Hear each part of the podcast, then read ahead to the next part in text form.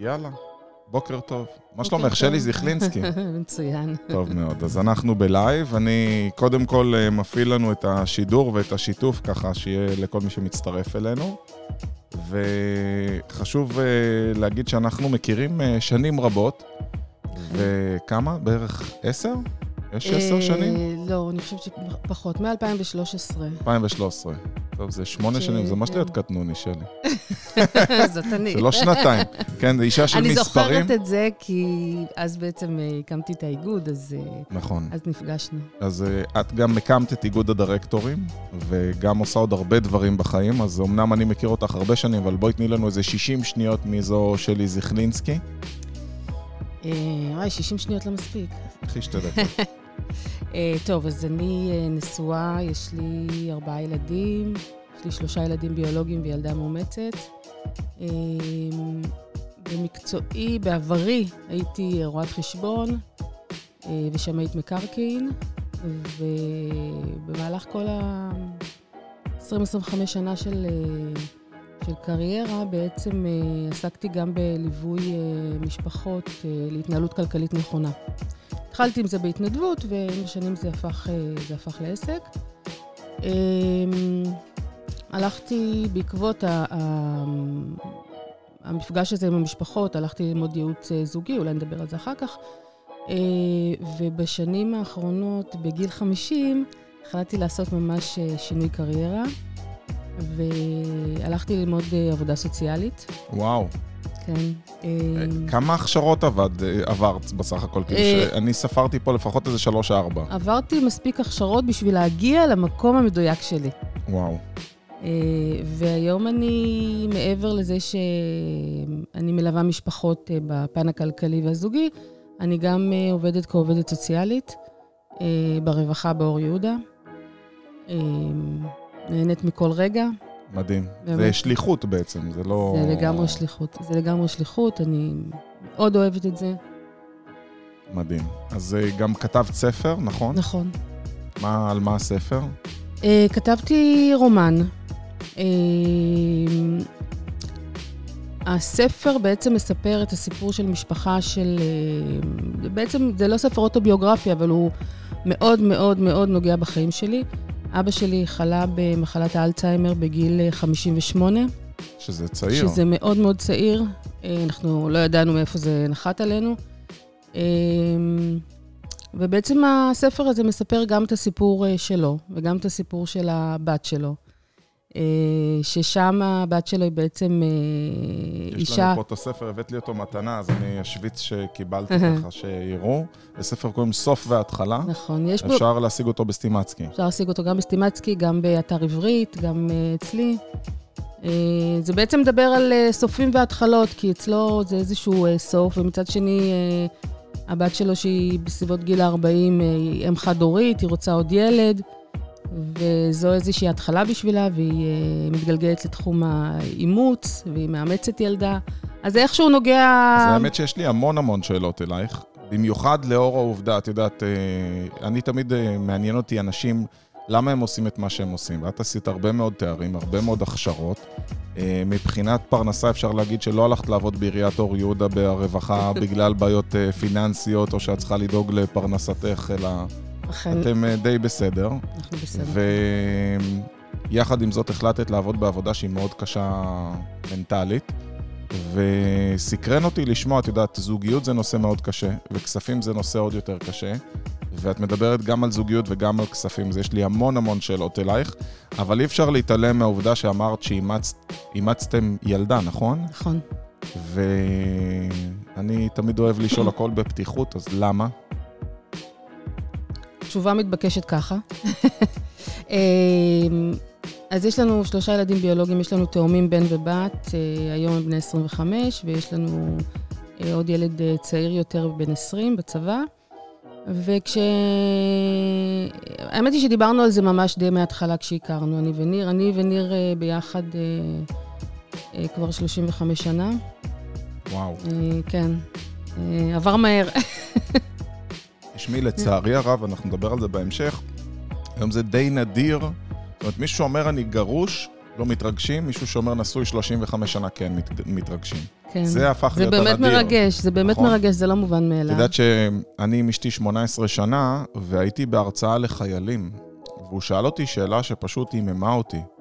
אומר לי, אתה בן אדם שאוהב כל כך הרבה ריגושים ועושה כל כך הרבה דברים בחייו, ואתה עדיין עם אותה אישה? כאילו, תבין, בגלל שאתה עושה כל כך הרבה דברים ויש לך כל כך הרבה ריגושים, אז אתה אותה עם אותה אני אישה. לא ידעתי מאיפה להתחיל לענות על זה. זה. עשיתי על זה שיעור, אה, אני אשלח אותו בימים הקרובים, כן, אבל, מעניין. אבל זה הימם אותי התפיסה הזאת שהיום הכל פאסט פוד. נכון. היום הכל נכון. מאוד מאוד מהיר, אז אה, שאפו 35 ונחזור רגע לאימוץ. אז אנחנו באמת, אה, ממש מההתחלה כשהכרנו, אנחנו אפילו כל הזמן מנסים לשאול אחת את השנייה, מי התחיל עם זה, של מי היה הרעיון, ואין לנו מושג, כי זה היה אצלנו תמיד אה, במחשבה, תמיד, אה, תמיד היה שיח על זה. וכשאני הגעתי לגיל 40 ורצינו עוד ילד, אז אמרנו, זאת ההזדמנות. ו- פשוט באמת- רציתם לאמץ, זה המטרה. כן, כן. כשהיינו צעירים חשבנו על האימוץ, רצינו לאמץ, וכשהגעתי לגיל 40, לגיל 40, שלושה ילדים, רצינו עוד ילד, ואמרנו, אוקיי, אז זאת ההזדמנות עכשיו אה, לעשות את הצעד הזה. בת כמה היא הייתה שאימצתם אותה? היא הייתה בת שנה וחצי, היום היא בת עשר, איזה כיף. כן, האור של הבית. אה, עשינו את המהלך הזה באמת, זה מהלך, אה, זה מהלך לא פשוט, גם רגשית. לכם? וגם גם לנו, וגם, וגם לשאר בני הבית. זאת אומרת, אנחנו רצינו, הילדים שלנו היו אה, בני נוער אז. איך הם קיבלו את זה? אה, בהתחלה היה איזשהו חוסר הבנה, זאת אומרת, בשביל מה אתם צריכים? מה... מה אנחנו הקטע? לא מספיקים? בדיוק, כזה. מה הקטע? כן. אז האמת היא שאנחנו, אה, כשהתחלנו לדבר על זה, באמת עלו כל מיני שאלות כאלו. ו... ו... וכשבאמת אה, עלו שאלות ותהיות, וראינו שזה קצת אה, חורק, אז הנחנו לזה. זאת אומרת, הרגשנו שאנחנו לא רוצים לעשות משהו בניגוד לרצונם, אז הנחנו לזה לאיזושהי שנה, שנה וחצי, ואחר כך חזרנו לזה, ו- ואנחנו כבר היינו יותר בשלים, וגם למדנו את הנושא, ובאמת אה, הבנו שיש כל כך הרבה ילדים, אנחנו אימצנו מרוסיה, ויש כל כך הרבה ילדים נטושים ברוסיה. אה, וכשבאמת באנו לילדים והסברנו, אז הסברנו את ההיגיון שמאחורי זה, זה לא שהם לא מספיקים, זה שיש באמת כל כך הרבה ילדים, ומה קורה עם הילדים האלה כשהם נשארים בבתי ילדים. איך הם מתפתחים, הם, הם, יש מחקרים ש, שמדברים על זה שהם אפילו לא שורדים בחיים. וואו. אה, כן, ותשמע, אנחנו עשינו, תמיד אנשים אומרים לי, וואו, כל הכבוד. אז עשינו, נכון, עשינו מעשה, נתנו, נתנו בית לילדה, אבל גם עשינו את זה בשבילנו, זה איזשהו, ברור. זה, זה סיפוק אדיר. כן, אני חושב שזה קצת יומרני להסתכל על זה מנקודת מבט, שכאילו אתה עושה את זה רק בשביל להציל מישהו אחר. הרי ילד נותן לך נכון, הרבה נכון. יותר ממה שאתה נותן לו. נכון, זה, נכון. אני אב לחמישה, אז אני Mm. יודע בדיוק אה, כן. כמה זה נותן. אה, היא יודעת שהיא מאומצת? בטח. באיזה גיל סיפרתם לה? אה, ממש מההתחלה, ממש, זאת אומרת, בגיל שנה וחצי עוד לא מבינה, אבל שנתיים וחצי, שלוש, כבר התחלנו אה, להראות תמונות, איפה היא הייתה ומאיפה לקחנו, והתחילו להיות, לעלות, כשהיא הייתה בסביבות גיל שלוש, אז, אתה יודע, אימהות אה, של הילדים בגן כבר, כבר היו בהיריון, והיא ראתה בטן הריונית, והיא שאלה, התחילה לשאול שאלות, אם היא הייתה בבטן שלי, ו... ואז בעצם מתוך זה, מתוך זה אה, את נבע כל ממליצה השיח. להורים מאמצים לספר מההתחלה? כי אני מכיר כן. כאלה שכאילו מסתירים את זה, ואז פתאום זה מתגלה ולא ידעו. אני חושבת, אה, אה, יש בזה, יש בזה איזושהי, באמת איזושהי בעייתיות, כי בסופו של דבר הילד הזה, הילד הולך עם איזשהו בור כל החיים. גם, אם הוא לא מצליח גם למצוא את ההורים הביולוגיים, אז זה בכלל משהו שנשאר פתוח. אז את אני, לא- ממליצה אז אני- שילד אה, מאומץ יחפש את ההורים הביולוגיים? אני מאוד ממליצה, אני מאוד, מאוד. אה, זה כמובן נורא תלוי בהורים ובילד. אה, אני חושבת שאתה צריך להיות מאוד בטוח בהורות שלך בשביל להגיד לילד, כן, אני הייתי שמח שתמצא את ההורים הביולוגיים. אני חושבת שזה סוגר איזשהו, Mm. איזשהו מעגל. אה, אם לא, אז זה, זה נשאר פתוח. בעניין, ה, בעניין ה, אה, האם לספר או לא, אז אני חושבת שזה אה, הרבה יותר גרוע כשהילד אה, מגלה פתאום שהוא חי בשקר. אה, וזה לא פשוט, לא פשוט לספר לילד שהוא, אה, שהוא מאומץ, ובמיוחד גם שיש ילדים ביולוגיים שהם כן אה, היו בבטן. וזה זה, זה קצת... אה, זה, זה נשאר שם. זה לא משחרר דווקא מכל המטענים, העובדה שמספרים על ההתחלה ושמההתחלה הילד גדל ככה? זה משחרר אותנו מהמטענים, אבל אני לא חושבת שאת הילד. אני, אני לא יודעת, אבל אני חושבת, ש, אני חושבת שלא. אני רואה שאת מאמינה מאוד בגישה פתוחה ובלי סודות. ככה זה גם בזוגיות כשאת מייעצת לבני זוג? מאוד, מאוד. אני חושבת שחלק מה... חלק מהמהות של הזוגיות זה שיתוף ו- ופתיחות ו... אז בואו נדבר רגע, אנחנו... יש לך ייעוץ, את עושה ייעוץ זוגי בעיקר לזוגות שהם גם אנשי עסקים? יוצא לך להיפגש יותר עם כאלה, או שאת... אה, לא, מכל, ה... מכל הקשת. מכל הקשת. מכל הקשת, כן. האם את מזהה שנגיד לזוגות שדווקא הבעל הוא איש קריירה, או אישה היא אשת קריירה, יש בעיות שונות מזוגות אחרים? אני חושבת שהבעיות הן... אני כל הזמן טוענת ש... בגלל שאני באמת, אני משלבת את הנושא הכלכלי עם הנושא הזוגי, אני כל הזמן, יש לי מין טענה הזויה כזאת, שבעיה של כסף היא אף פעם לא בעיה של כסף. זאת אומרת, אני מכירה משפחות שיכולות לפרנס ארבע משפחות, והן נמצאות במינוס, ויש להן ריבים על, אה, על הכלים בכיור, ואני אומרת, הכלים בכיור זה אף פעם לא הכלים בכיור, והכסף זה אף פעם לא הכסף. אז מה זה כן? זה באמת, זה, זה מאוד מורכב, כי אנחנו, אנחנו, מתח... אנחנו פוגשים בן אדם, ואנחנו מתאהבים, ויש לנו פרפרים, והוא הבן אדם הכי מדהים בעולם, ואנחנו מתחתנים, ואנחנו באנו משתי מקומות אה, שונים, ומשני בתים שונים, ושני דפוס, דפוסי התנהגות שונים, והרגלים שונים, ואישיות שונה, ופתאום הכל אה, מתחיל לצוץ, ופתאום הכל אה, יוצא. אז כשאני, כשאנשים... רבים על הכלים בכיור, אז יכול להיות שבאמת אחד מבני הזוג רוצה שהכיור יהיה מסודר, אבל זה לא רק זה. אז על מה לא... זה יושב? זה יושב באמת על כל מיני אה, פחדים שלנו, ודפוסים שלנו, ומה צברנו בילדות. כי אם אני אה, יוצאת בבוקר, נניח עכשיו, אה, נניח עכשיו בתקופת ה, תקופת הקורונה, נניח שאני עובדת בחוץ, ובעלי עובד בבית. ואני יוצאת החוצה לעבודה. אתמול בערב לא הספקתי לסדר את ה... לא הספקנו לסדר את הכיור ואת המדבר, ואני יוצאת בבוקר לעבודה. ויש לי ציפייה כזאת, שכשאני חוזרת הביתה... הבית יהיה נקי. הבית יהיה מסודר. הוא היה בבית כל היום. נכון, הוא היה בבית כל היום. אבל, הוא היה בבית, אבל הוא עבד. אז כשאני באה אה, אה, הביתה ורואה את כל הכיור בדיוק כמו שהיה ועוד פי שתיים, זה מיד מעלה לי איזושהי תחושה. זה מעלה לי איזושהי תחושה של לא, הוא לא סידר את הכיור, הכיור בלאגן. זה אומר, הוא לא מעריך אותי, הוא לא רואה אותי. הוא לא רק אמר, עבדתי ש... קשה כל הוא, היום. נכון, הוא לא, יכול להיות שאפילו מזלזל בי. וכל הדברים האלו בעצם עולים, ואז אני מתפרצת בעצם על הכלים בכיור. אבל אם הייתי יוצאת למשל בבוקר, והייתי אומרת לו, יש סיכוי שתסדר את הכיור? יכול להיות שהיה אומר לי, לא, אני מאוד מאוד עסוק היום. ואז זה גם היה מרגיע אותי, כי זה לא שהוא לא רצה לסדר את הכיור. זה הכל עניין של ציפיות? כן, כן, זאת אומרת, ציפיות זה בעצם... מישהו פעם אמר לי שציפיות יש רק במיטה. נכון. אה, אני חושבת שכן, אני חושבת שלאורך כל, ה... לאורך כל הזוגיות, גם, ש... גם שלי, אה, זה לא הכל ורדים ושושנים, אבל ברגע שלמדנו באמת לדבר אחד עם השני, הרי אנחנו, אנחנו בדרך כלל, הנשים, אה, רוצות שהבן זוג שלנו יהיה קורא מחשבות. יכול להיות שזה גם הפוך לפעמים. לגמרי. יכול להיות שזה גם, לא, לא, גם הפוך. לא, לא, אני אומר אבל, נשים, אה, כן. אבל, אבל זה קורה אצל הרבה מאוד נשים, כי המוח שלנו בנוי אחרת, ואנחנו בכלל בנויות אחרת, גם מבחינה רגשית, ואנחנו... אני אחזק אותך עם סיפור קטן, מאוד פשוט, שפעם הייתה לי שיחה עם אשתי, והיא אומרת לי, תשמע, אני ממש מתבאסת שאתה לא מביא לי בשישי פרחים. אומר לה, ולמה לא אמרת לי? היא אומרת לי, אתה צריך לדעת. אומר לה, מה זאת אומרת אני צריך לדעת? אני אומר לה, מה זאת אומרת? כל אישה רוצה בשישי פרחים. אמרתי, ולמה את לא אומרת לי? היא אומרת לי, כי אם אני אגיד לך זה לא יהיה אותו דבר. אני אומר לה, למה זה לא יהיה אותו דבר? את רוצה פרחים, תגידי פרחים. ומאז התחלתי לקנות לו פרחים בשישי. כאילו, זה עד כדי כך פשוט. וכן, הרבה פעמים נשים, יוצא לי ככה, שהן הרבה פעמים מצפות שאתה תבין מה צריך, וזה כאילו סוג של מבחנים גם, ואז אתה נכשל בהם או עובר אותם. איך, בעלי תמיד אומר לי, הוא אומר לי, אני מעדיף לשמור על זכות השתיקה, כי אי אפשר לעבור את המבחנים האלו. לגמרי. זה לא משנה מה, זה לא משנה מה עושים. עכשיו, זה לשני הכיוונים.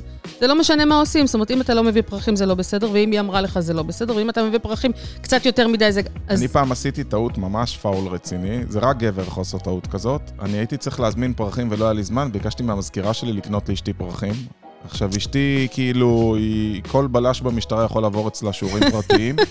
היא זיהתה לפי סוג הפרחים, שאין מצב שאני קניתי זר כזה, והיא פשוט ישר שאלה אותי, כאילו, כמו החוקר בשב"כ, שמה לך מנורה, אומרת, מי עשה את ההזמנה של... היא שואלת גם שאלות מדויקות שאתה לא יכול ללכת ימינה או שמאלה. מי הזמין את הפרחים? אתה או מישהו אחר במשרד שלך? עכשיו, אתה לא יכול לברוח, זה כמו חתול שנתפס בפנסים של אוטו. אז אומר לה, תשמעי, הייתי עסוק, הייתי זה... היא אומרת לי, עזר בפח, פעם הבאה שתרצה לקנות לי פרחים, תקנה לי אתה, ואל תשלח מישהו אחר. אין לך זמן, אל תקנה לי. אז... אה, כי אנחנו, אנחנו מאוד רוצים, אה, אנחנו רוצים שיאהבו אותנו, ושיראו אותנו, ושלאנשים, במיוחד לבני הזוג, לאנשים הקרובים, שיהיה אכפת מאיתנו. ויש את התחושה, עכשיו, זה, זה, זה קורה, זאת אומרת, זה... שוב, ולא, לא רק לנשים, שאם אתה, אם, אם זה לא אתה קנית את הפרחים, אז זה לא מספיק טוב, כי אתה לא כי באמת, כי זה לא באמת, נכון. כי זה מה שעומד מאחורי, זה בעצם הכוונה ולא הפרח, הפרח נכון, מבטא את זה. נכון, נכון. אבל היועצת זוגיות הייתה, פה. כן. למרות שהכוונה הייתה טובה. תגידי, כסף באמת uh, מפרק זוגיות uh, מספר אחד? כאילו, זה אחד הבעיות הרציניות ביותר. מישהו, יש משפט כזה, בטח את מכירה, כשהכסף בורח, כשאין אהבה בורחת מהחלון, משהו כזה, יש איזה משפט כזה. נכון. עד כמה זה נכון? Uh, תראה, זה נכון. Uh, זה, הבעיות הכלכליות גורמות להרבה מאוד מתחים. אבל, uh, אבל זה לא משהו שאי אפשר לתקן. איך את מציעה עכשיו, אנחנו תקופת קורונה, זוגות חווים משבר כפול. אחד, נכון. בעיה כספית, ושתיים, שהם תקועים אחד עם השני בבית. אם בעבר הייתי צריך להיות עם אשתי 20 דקות ביום בממוצע זמן אינטראקציה אחד על אחד, או שעתיים בבית שאנחנו ביחד חולפים אחד ליד השני בסידורים של הבית, פתאום מישהו מוצא את עצמו יום שלם, כל יום, כל היום עם הבן זוג שלו, ואני חושב שזה מבחן זוגיות אמיץ מאוד. אה, איך את מציעה להתמודד עם הקושי הכלכלי, עם הלחץ, עם, ה, עם הבעיות לבני זוג שמגיעים אלייך? כי את גם יועצת כלכלית וגם יועצת זוגית. אה, אני באמת אה, למרות שאני משלבת בין שני הדברים, אני רוצה רגע, בגלל התקופה הזו של הקורונה, אני רוצה רגע לעשות הפרדה. יש אנשים היום שנמצאים ממש בהישרדות. ממש במצב אה, מאוד מאוד מורכב. זה באמת משליך על כל ה... גם על זוגיות שיכול להיות שהייתה טובה ו... ושיש לה יסודות טובים, זה יכול, זה יכול להשליך. אמ, אז, אז היום באמת זו תקופה מאוד... מאוד מורכבת, מאוד מורכבת לזוגיות. אני חושבת שהדבר הכי מחבר זה שיחה, זה שיח. כי אנחנו, אם, אם אנחנו במצב כזה, כמו נניח אנשים שאיבדו את העבודה שלהם עכשיו, אנחנו שנינו יודעים שזה המצב. אנחנו יודעים, אנחנו שנינו בלחץ, אז לדבר על הלחצים האלו, לראות מה אפשר לעשות ביחד, לתכנן תוכניות ביחד, לראות. תראה, זה מאוד מורכב, זה מאוד מורכב. אני חושבת שאנשים גם עכשיו, לאור התקופה הזאת, גם התקופה הכלכלית, אה, הרבה מאוד אנשים נכנסו לדיכאון. אני חושבת שצריך ללכת לטיפול, לא להתבייש. יש אנשים ש... יש, תראה, יש אנשים ש... איך אומרים? אה, המציאו את עצמם מחדש. אני שמעתי ביום שישי איזושהי שיחה של אה, הרב שי פירון, והוא אמר, אני לא אוהב את המשפט הזה, המציאו את עצמם מחדש, כי אנחנו לא באמת ממציאים את עצמנו מחדש. אנחנו במקום, אנחנו הולכים באיזשהו שביל, במקום לפנות ימינה, אנחנו פונים שמאלה. אז באמת יש אנשים שהצליחו לפנות את השמאלה או את הימינה או, או לשביל חדש. אבל יש אנשים שלא הצליחו לעשות את זה, ולא, ולא רק בגלל שאין עבודה בשוק. זאת אומרת, מישהו שעבד בתעשיית התרבות, אה, ובאמת אין לו שום עבודה, ויכול להיות שאנשים שלא מקבלים גם כסף מה, מהביטוח לאומי כשהם נמצאים, שנמצאים בחל"ת. יש הרבה אנשים שיש להם אה, מעצורים בללכת, נניח, לעבוד בסופר. צריך לדבר על זה. Mm. כי, כי יכול להיות זוג, למשל, שאתה יודע, מישהו איבד את העבודה שלו, ואשתו כל הזמן אומרת לו, נו בסדר, אבל יש עבודה בסופר, אז לך תעבוד בסופר. אבל הוא לא מסוגל ללכת לעבוד בסופר. הוא לא מסוגל, הוא לא מסוגל להוציא את עצמו החוצה. אז אני אומרת, זה דברים שצריך גם לדבר. זו פגיעה באגו מאוד, מאוד גדולה. מאוד, מאוד גדולה. שבן אדם היה במעמד מאוד גבוה, ופתאום הוא אומר, השכן שלי, יראה נכון, אותי עובד נכון, בסופר. נכון, נכון, נכון. אז יש אנשים שכן מסוגלים להתעלות מעל הדבר הזה, ויש אנשים שלא מסוגלים, וזה לא בגלל שהם לא רוצים. אז אני אומרת שהשיח וה, וה, והדיבור, ובאמת לשטוח אחד בפני השני את הקשיים, למה אני לא יכול? להסביר למה אני לא יכול ללכת לסופר. להסביר לבן הזוג? גם, כן, להסביר. כמובן שאני הייתי ממליצה במצבים כאלו ללכת לטיפול, אבל uh, זה, גם, זה גם מאוד מורכב, כי אתה נמצא במצב שגם אין לך כסף ללכת לטיפול, למרות שיש כל מיני, uh, אפשר לפנות לכל מיני מקומות אחרים ש, שעוזרים, אבל אני חושבת שהשיח והפתיחות ולהבין את הצרכים אחד של השני, זה מבחינתי, זה, זה הבסיס של הזוגיות, כי אם אנחנו לא מבינים את הצרכים אחד של השני, אנחנו לא יכולים להבין אחד את השני. איך הדרך הטובה ביותר מבחינתך אה, לפתח את השיחה הזאת? אני חושב שהרבה זוגות מגיעים לשיחה כזאת ממקום של מגננות, וממקום נכון. שהם מפחדים להיפגע, מפחדים להיחשף, מפחדים שאחרי זה זה ישמש בריב הבא. נכון. אה, נכון. כטיעון. איך את מציעה לבנות נכון. את האמון ההדדי הזה? אז אה, באמת, תשמע, קודם כל יש, אה, יש הרבה מאוד אה, אה, מאמרים בא, באינטרנט. על, אה, על זוגיות בכלל. מה זה זוגיות? אז יכול להיות שאפשר אה, להחליט שאנחנו עושים עכשיו איזשהו פרויקט אה, זוגיות. וביחד, בלי בכלל להיכנס רגע לנושא. בכלל להעלות את המודעות, מה זה זוגיות? מה זה זוגיות בשבילנו? מה אנחנו רוצים מהזוגיות הזאת? בלי, בלי לדבר על, ה, על העבודה או על הכסף, כי... את יודעת מה עלה לי כרגע בראש? תגידי לי אם יש דבר כזה, ואם לא, אז צריך לפתח כזה דבר. כי אני ישר חושב תמיד מאוד אופרטיבי.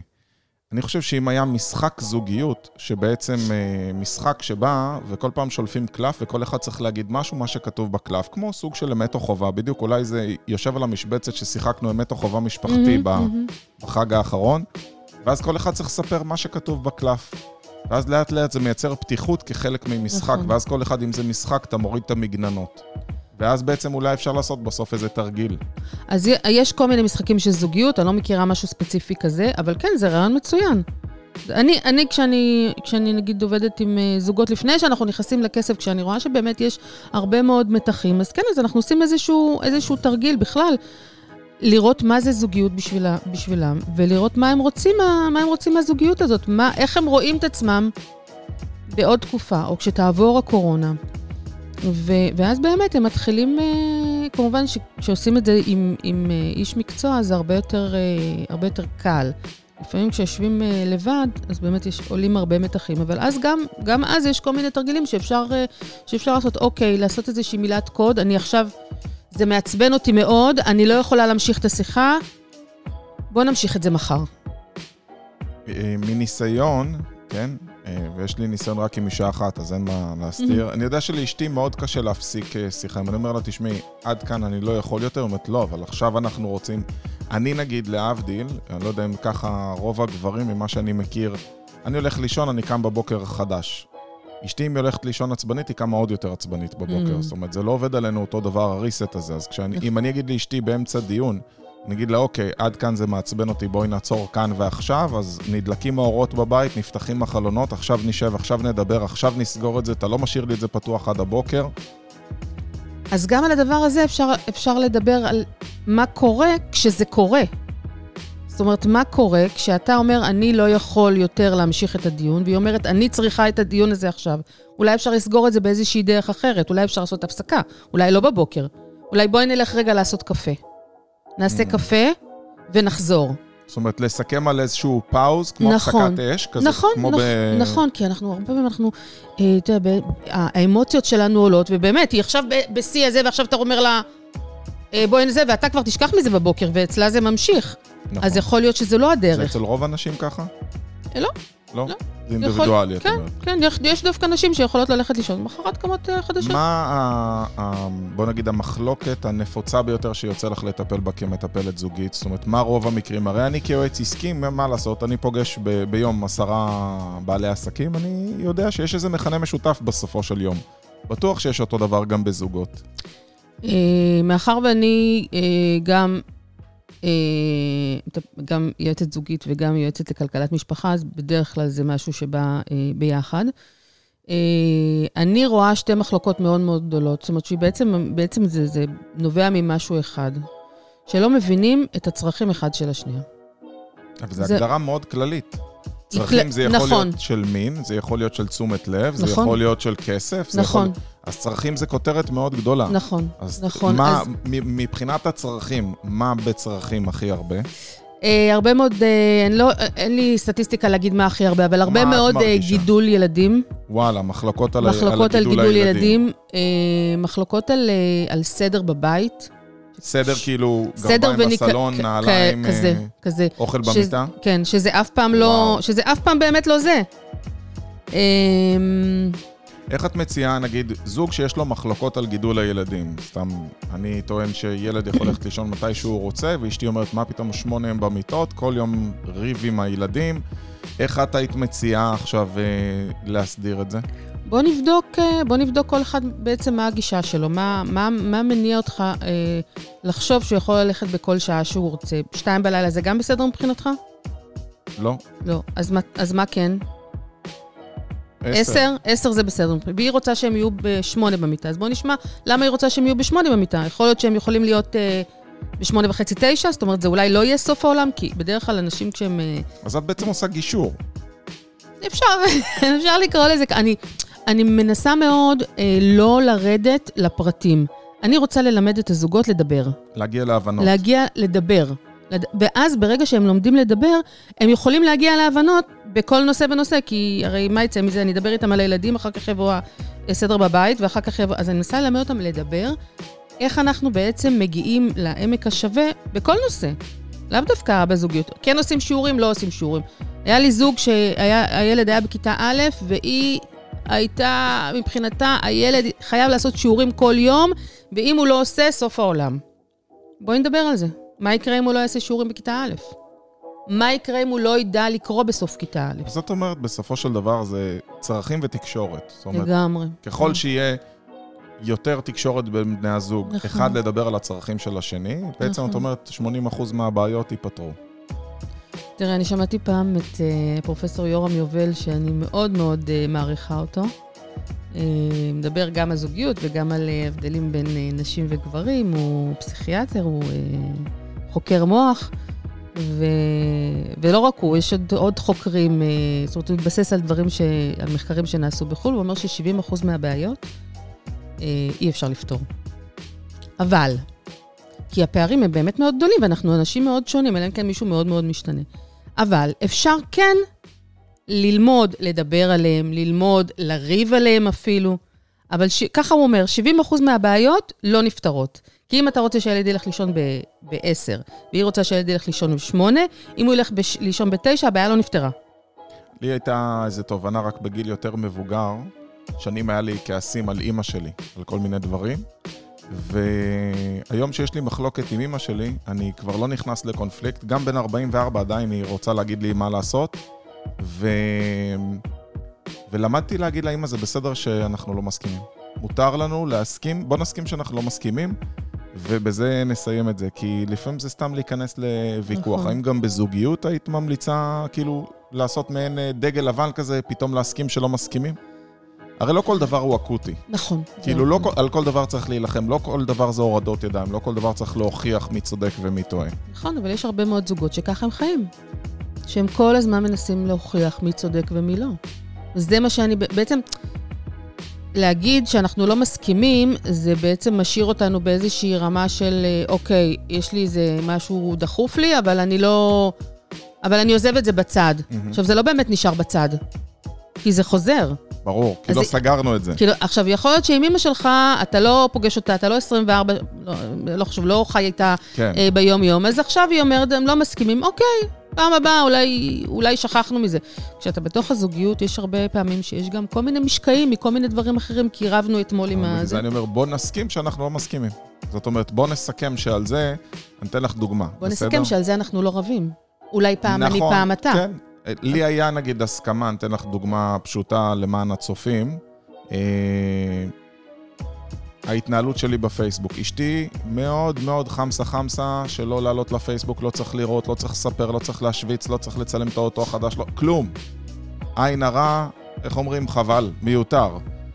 ואני אה, עובד בזה. זאת אומרת, אני דמות, אה, אפשר להגיד, כמעט ציבורית, ואני כל היום בפייסבוק, ומעלה הכל, ואני יכול לעלות אה, ב, את ההשתלת שיער שלי, איך אומרים, צילמתי, מה אפשר הייתי גם עושה בלייב.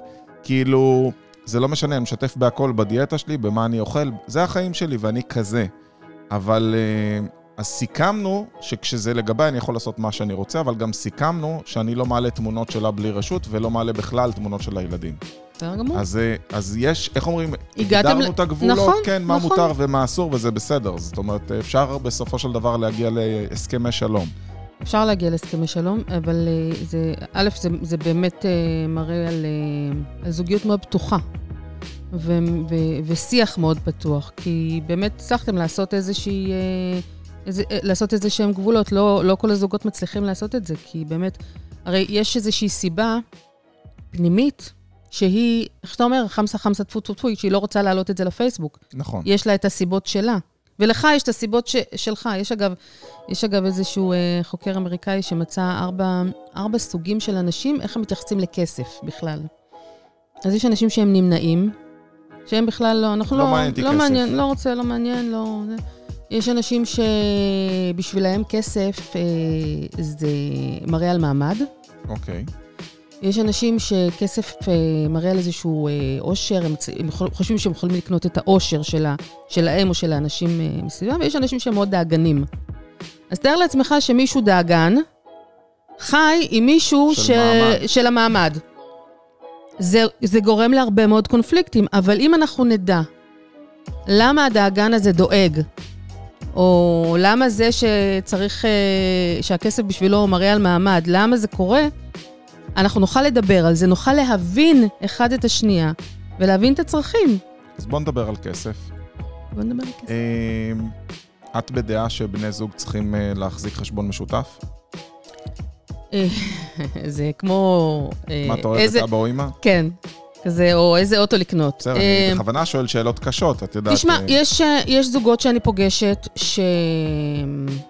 אם הזוג הוא, הוא בתחילת דרכו, אני הייתי אומרת שכן. אבל יש זוגות שמגיעים אליי, שהם כבר אה, אחרי אה, 10-15 שנות אה, נישואים, ולכל אחד יש את החשבון אה, חשבון אה, נפרד, ויש להם עוד איזשהו חשבון אה, ביחד. זה לא כלכלי כמובן, אבל אנחנו לא נדבר על זה כרגע. יש איזשהו חשבון אה, משותף, שכל אחד מהם אה, מזרים את הכסף לחשבון הזה, ובחשבון שלו עושה מה שהוא רוצה. אה, אני שמתי לב שיש, אה, אני, אני מחלקת את ה... זה, זה נורא תלוי גם מי מנהל את זה. כי ברגע שלכל אחד יש חשבון אה, נפרד, אז כל אחד צריך לנהל את החשבון שלו. עכשיו, לא כולם אוהבים לנהל את הכסף שלהם. אני מצאתי שיש אה, שלוש סוגים של, אה, אה, של תאים משפחתיים. תא משפחתי אחד זה ששנינו מנהלים את הכסף, אנחנו שנינו אקטיביים בתוך הדבר הזה, אה, ואנחנו שנינו מנהלים. התא השני זה שאנחנו שנינו פסיביים. זאת אומרת, אנחנו לא עונים לבנק. את ה... היום כבר החשבונות מהבנק מגיעים אה, באינטרנט, אבל פעם הם היו מגיעים במעטפה, אז אנחנו שמים את זה במגירה מתחת במקרה. גם באימייל במקרה, כן, אפשר למחוק, נכון, גם במעטפה, במ- במגירה. זה, זה הסוג השני של התאים המשפחתיים, והתא השלישי זה שאחד מהם, אחד מבני הזוג הוא יותר אה, דומיננטי. אז תשאל אותי, מה יותר טוב? אני לא יודעת להגיד מה, מה כל יותר אחד טוב. מה שמתאים לו. כל אחד מה שמתאים לו. ו- והדבר הזה, שאנחנו, נניח שאני אומרת, אוקיי, יש שני בני זוג שהם, אה, שני בני זוג אה, מנהלים את הכספים ביחד. אז יש שותפות, נכון? אנחנו שנינו מנהלים ביחד את הכסף, ולכאורה זה נראה אידיאלי. מה יכול להיות, אה, מה יכול להיות רע בזה שאנחנו מ- שנינו... אה, מנ- מניסיון עסקי, שום דבר ששניים מנהלים אותו לא יכול להיגמר טוב. מצד שני, גם אם אחד אה, רק מנהל את הכספים, לא כל עוד בטוח זה שזה... בהסכמה. זה יכול אם להיות... יש הסכמה, אז מה הבעיה? מגדירים תקציב, מגדירים סעיף הוצאות, אומרים עד סכום כזה אין בעיה להוציא בלי אישור אחד של השני. מעל סכום, כן. הכל עניין של הסכמות. הכל עניין של הסכמות. ואני אגיד, אני אתן לך דוגמה למשל. אם יש זוג שרק ה, האישה מנהלת נניח את, ה, את הכספים, והגבר אין לו מושג מה זה, וזה בסדר, תמיד זה היה ככה מאז ומעולם, הם כבר אה, 20 שנה נשואים, ו... אבל היא, למשל, אה, הייתה מאוד רוצה שהוא ייזום איזושהי חופשה בחו"ל. אז הוא לא יכול לעשות את זה בלי שהיא תדע, הוא והוא לא לא יודע יודע- גם הוא כמה לא כסף יש. יודע, הוא לא יודע. אז זה מכניס לכל מיני קונפליקטים אחרים. היא אומרת, אבל לפחות שייזום פעם אחת. אז הוא אומר, מה את רוצה? אבל כל הכסף אצלך, את מנהלת, וזה הכל בסדר, אין מריבות, הוא לא אומר לה מה לעשות עם הכסף, הוא לא מבזבז יותר מדי, אבל אז נוצר קונפליקט, שהוא לא באמת קונפליקט של כסף, אבל עוד איזשהו קונפליקט. איך את מתמודדת עם זה? אני, אני מכיר את זה מ... אני אתן את הדוגמה על נשים, אף על פי שגם גברים עושים בדיוק אותו דבר. אני מכיר אה, נשים, רשת נעליים שייעצתי לה, שהם היו אומרים, תוציא לי את הנעליים מהקופסה ותחלק לי את זה קצת במזומן, קצת בכרטיס אשראי, ושני כרטיסי אשראי שונים שבעלי לא ישים לב בכרטיס אשראי שקניתי, והן קונות מלא והן פשוט לא מספרות, ואז שהבעל שואל, מה פתאום, היה לי את זה, ומשקרות uh, לגבי הקנייה. אז כולנו יודעים שלשקר זה לא טוב, השאלה איך את היית מטפלת בזה, שלא יצטרכו בכלל לשקר. תשמע, אמ, זה, זה, זה טיפול רגשי, זאת אומרת, זה, זה, זה לא קשור לכסף בכלל. זה ממש לא קשור לכסף. יש פה איזושהי אה, בעיה ב, בשיתוף, בזוגיות, ב, בפתיחות. יש סיבה שהיא לא יכולה לספר לו למה היא קנתה נעליים. עכשיו, יכול להיות שהסיבה היא באמת, אולי שהיא לא מרגישה נוח. יכול להיות שאפילו הוא לא אומר לה כלום. יכול להיות שהיא קונה נעליים והוא לא אומר לה כלום, אבל שהיא לא מרגישה לא נוח. עכשיו, למה היא מרגישה לא נוח? כי יכול להיות, כשהיא הייתה ילדה, אימא שלה כל הזמן אמרה לה, מה את קונה נעליים, את מבזבזת את כל הכסף, ייגמר לך כל הכסף. זאת אומרת, נהיה לה איזשהו אה, דפוס פעולה מסוים, נכון, שלפיו נכון, היא פועלת, וזה לאו דווקא נכון, קשור אליו. נכון, זה לאו דווקא קשור אליו. אני כמובן, אה, אני חושבת שהאויב שה, הכי גדול בזוגיות זה שקרים. איך אמא שלי תמיד הייתה אומרת, השקר בסוף, אה, בסוף צף, כמו שמן על מים. אה, זה מתגלה, ואז, אה, ואז גם הרבה יותר קשה לעבוד על זה. כי יש פגיעה מאוד גדולה בצד השני, כשיש, כשיש, כשמשקרים בעצם. הרבה יותר קל לעבוד על למה היא צריכה לקנות עוד זוג נעליים, ולמה היא צריכה להסתיר, או למה הוא אה, מעיר לה על כל זוג נעליים שהיא קונה. הרבה יותר קל לעבוד על זה מאשר על איזושהי, איזושהי פגיעה. אוקיי, קיבלתי. תגידי, אם עכשיו אנחנו נמצאים בסיטואציה שההכנסה שלנו נחתכה, יש רמת חיים מסוימת, וזה מה שקרה להרבה בקורונה, את גם יועצת לכלכלת המשפחה. איך היית מצפה, או איך היית נותנת, תני לי איזה דפוס פעולה מסוים, שמישהו מאזין לנו, עד לא מזמן הם היו ביחד מביאים 18 נטו הביתה, וכרגע זה 12 נטו, וכבר די, המינוס לא סופג את השש אה, פחות כל חודש. איך את תוקפת כזאת בעיה? אז תראה, יש, אה, יש כמה דברים ש, שאפשר, הם, זה לא, זה, הם דברים לא כל כך פשוטים, אבל אפשר לעשות אותם. אה, אז קודם כל, אם יש, אם יש איזה שהם חסכונות בצד שאפשר באמת להשתמש בהם, אז, אז משתמשים בחסכונות. באופן כללי, אני לא בעד לקחת הלוואות, אבל יש מצבים שאין ברירה. שאין ברירה. אז גם במצבים כאלו, שאין ברירה, צריך לעשות אה, שופינג בבנקים. זאת אומרת, באמת, זאת אומרת, לפעמים כשאנחנו בלחץ, אנחנו רק שהוא ייתן לי הלוואה, ואני, לא משנה כבר איזה ריבית, ולא משנה איזה, מה, מה, איזה, איזה זמן וכמה אני יכול להחזיר. אז יש היום כל מיני הלוואות שהן הלוואות, יש, יש אותן תמיד, אבל עכשיו יכול להיות שהן יותר, אה, יותר רלוונטיות הלוואות בלון. זאת אומרת, אני לוקח הלוואה עכשיו, בעצם אני, נניח בשנה הראשונה לא מחזיר בכלל, או מחזיר רק ריבית, ומתחיל להחזיר בעוד שנה. אמ, אם אפשר להיעזר בבני משפחה. אני הייתי מעדיפה את זה מאשר לקחת הלוואות, אה, הלוואות בבנק. שוב, זה נורא תלוי ביחסים עם בני משפחה, וכמה כמה יש לחץ על הכסף הזה, ואם הם לא יבואו בעוד חודש וידרשו את הכסף הזה, למרות שגם אז אפשר ללכת אה, לבנק ולקבל הלוואה. אה, וכמובן, לצמצם, אני לא צריכה להגיד, היום גם ככה הצטמצמנו, אין נסיעות לחו"ל, אין חופשות, אין... איך את מציעה אין... לצמצם? זאת אומרת, על, על מה את עוברת? עכשיו את רוצה, יש משפחה שחיה מעל רמת המחיה. אין יותר הלוואות, אין יותר מינוס, אין, חזרו לצ'קים, לא יודע מה.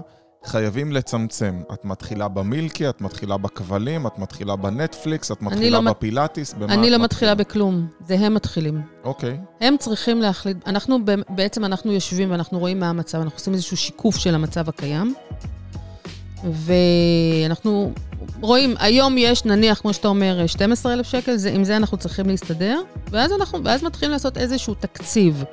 עושים איזשהו תקציב ורואים איפה אנחנו יכולים לחתוך. יכול להיות אני אתן לך דוגמה. אוקיי. Okay. אמ, אני עובדת ברווחה. לרווחה מגיעים בדרך כלל אנשים, אני לא מדברת על תקופת הקורונה.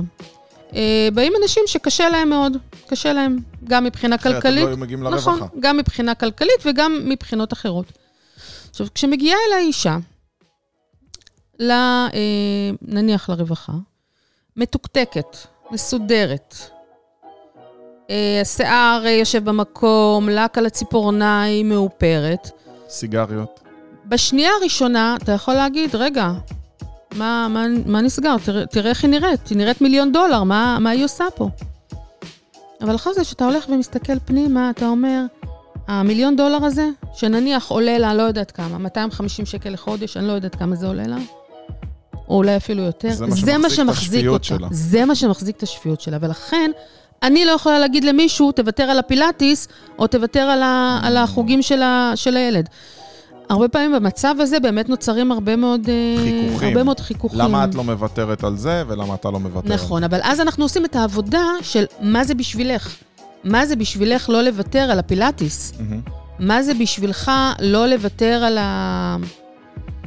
החדר כושר, או אני לא יודעת, היה לי איזשהו, היה לי איזשהו זוג שהיו להם חמישה ילדים, וכל הילדים שלהם למדו בבתי ספר פרטיים. זה המון כסף. והם לאט לאט ראו שהם לא מסתדרים. ו, והבעל כל הזמן אומר, אני לא יכול, אני לא יכול, אני לא יכול לעמוד בקצב, אני מספיק עם הבתי ספר הפרטיים, זה עולה לנו הון תועפות, אין צורך בזה. והאישה התעקשה שהיא חייבת את הבתי ספר הפרטיים. באמת עשינו שם איזושהי, איזושהי עבודה ואיזושהי הבנה מאיפה זה בא. זאת אומרת, היו לה כל מיני uh, מחשבות וכל מיני גישות שאומרות שאם הילד לא ילמד בבית ספר uh, פרטי, אז לא יצא ממנו כלום. את זה אנחנו צריכים להוריד לקרקע. אנחנו צריכים להחזיר את זה למציאות, כי יש ילדים שיוצא מהם משהו גם אם הם לא בית ספר פרטי. נכון? אז צריך להחזיר, ואז כשהיא מבינה את זה, אז היא אומרת, אוקיי, אז אולי אה, אני לא אעביר את, ספר, את הילד שהוא כבר בכיתה, אה, לא יודעת, כיתה ט', אני לא אעביר אותו עכשיו לבית ספר אה, ציבורי, אבל כשהוא ילך לתיכון, הוא כבר ילך לתיכון. אז לאט לאט אנחנו עושים עבודה על להבין מאיפה זה בא. אז שוב אני מסכם, שבעצם בסופו של דבר, את אומרת, הכל זה תקשורת, הכל זה צרכים. שבו ותבינו מה הצרכים שלכם, איפה יש לכם פערים, תתקשרו עליהם, ובעצם זה המתכון, איך אומרים, שיפתור נכון. את רוב הבעיות, ואז אולי לא צריך בכלל גוף חיצוני שיעזור לגשר, אבל אם נכון. לא מצליחים, לפעמים צריך, כמו שמגיעים אליי לייעוץ, לפעמים נכון. שני שותפים שהם בחוסר הסכמה, אתה צריך את היועץ השלישי שייתן את החוות דעת הסופית, מה שנקרא, ויכוון את התהליך. נכון, אנחנו, הטבע האנושי, הרבה פעמים אה, קשה לו לקבל את ה, דווקא את האנשים הקרובים. למרות, ש, למרות שאנחנו יודעים בראש שהאנשים הקרובים דווקא הם שרוצים לטובתנו, הרבה פעמים קשה לנו להבין את זה. ולכן כן אנחנו צריכים לפעמים להתייעץ עם, אה, עם אה, עוד גורמים מישהו, ש- second opinion. כן. בדרך כלל אני שואל בן אדם ב- בסיום, מה זה מבחינתו הצלחה או מה זה הצלחה עסקית, אותך אני אשאל, מה זה מבחינתך הצלחה בזוגיות? אמ, שיהיה נעים ונוח, שיהיה כיף לחזור הביתה.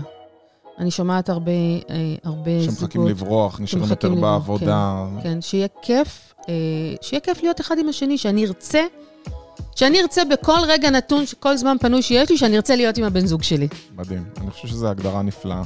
שלי זיכלינסקי, אני מאוד מאוד מודה לך, וכמובן מי. שאהב את השידור מוזמן אה, לרכוש את הספר סוף והתחלה. אז היה לנו פה גם סוף וגם התחלה. אני מאוד מודה לך, ואנחנו בטוח נמשיך להיות בקשר. שיהיה לכם המשך יום נפלא, ונתראה כל יום שלישי ב-Successful. ביי ביי. ביי.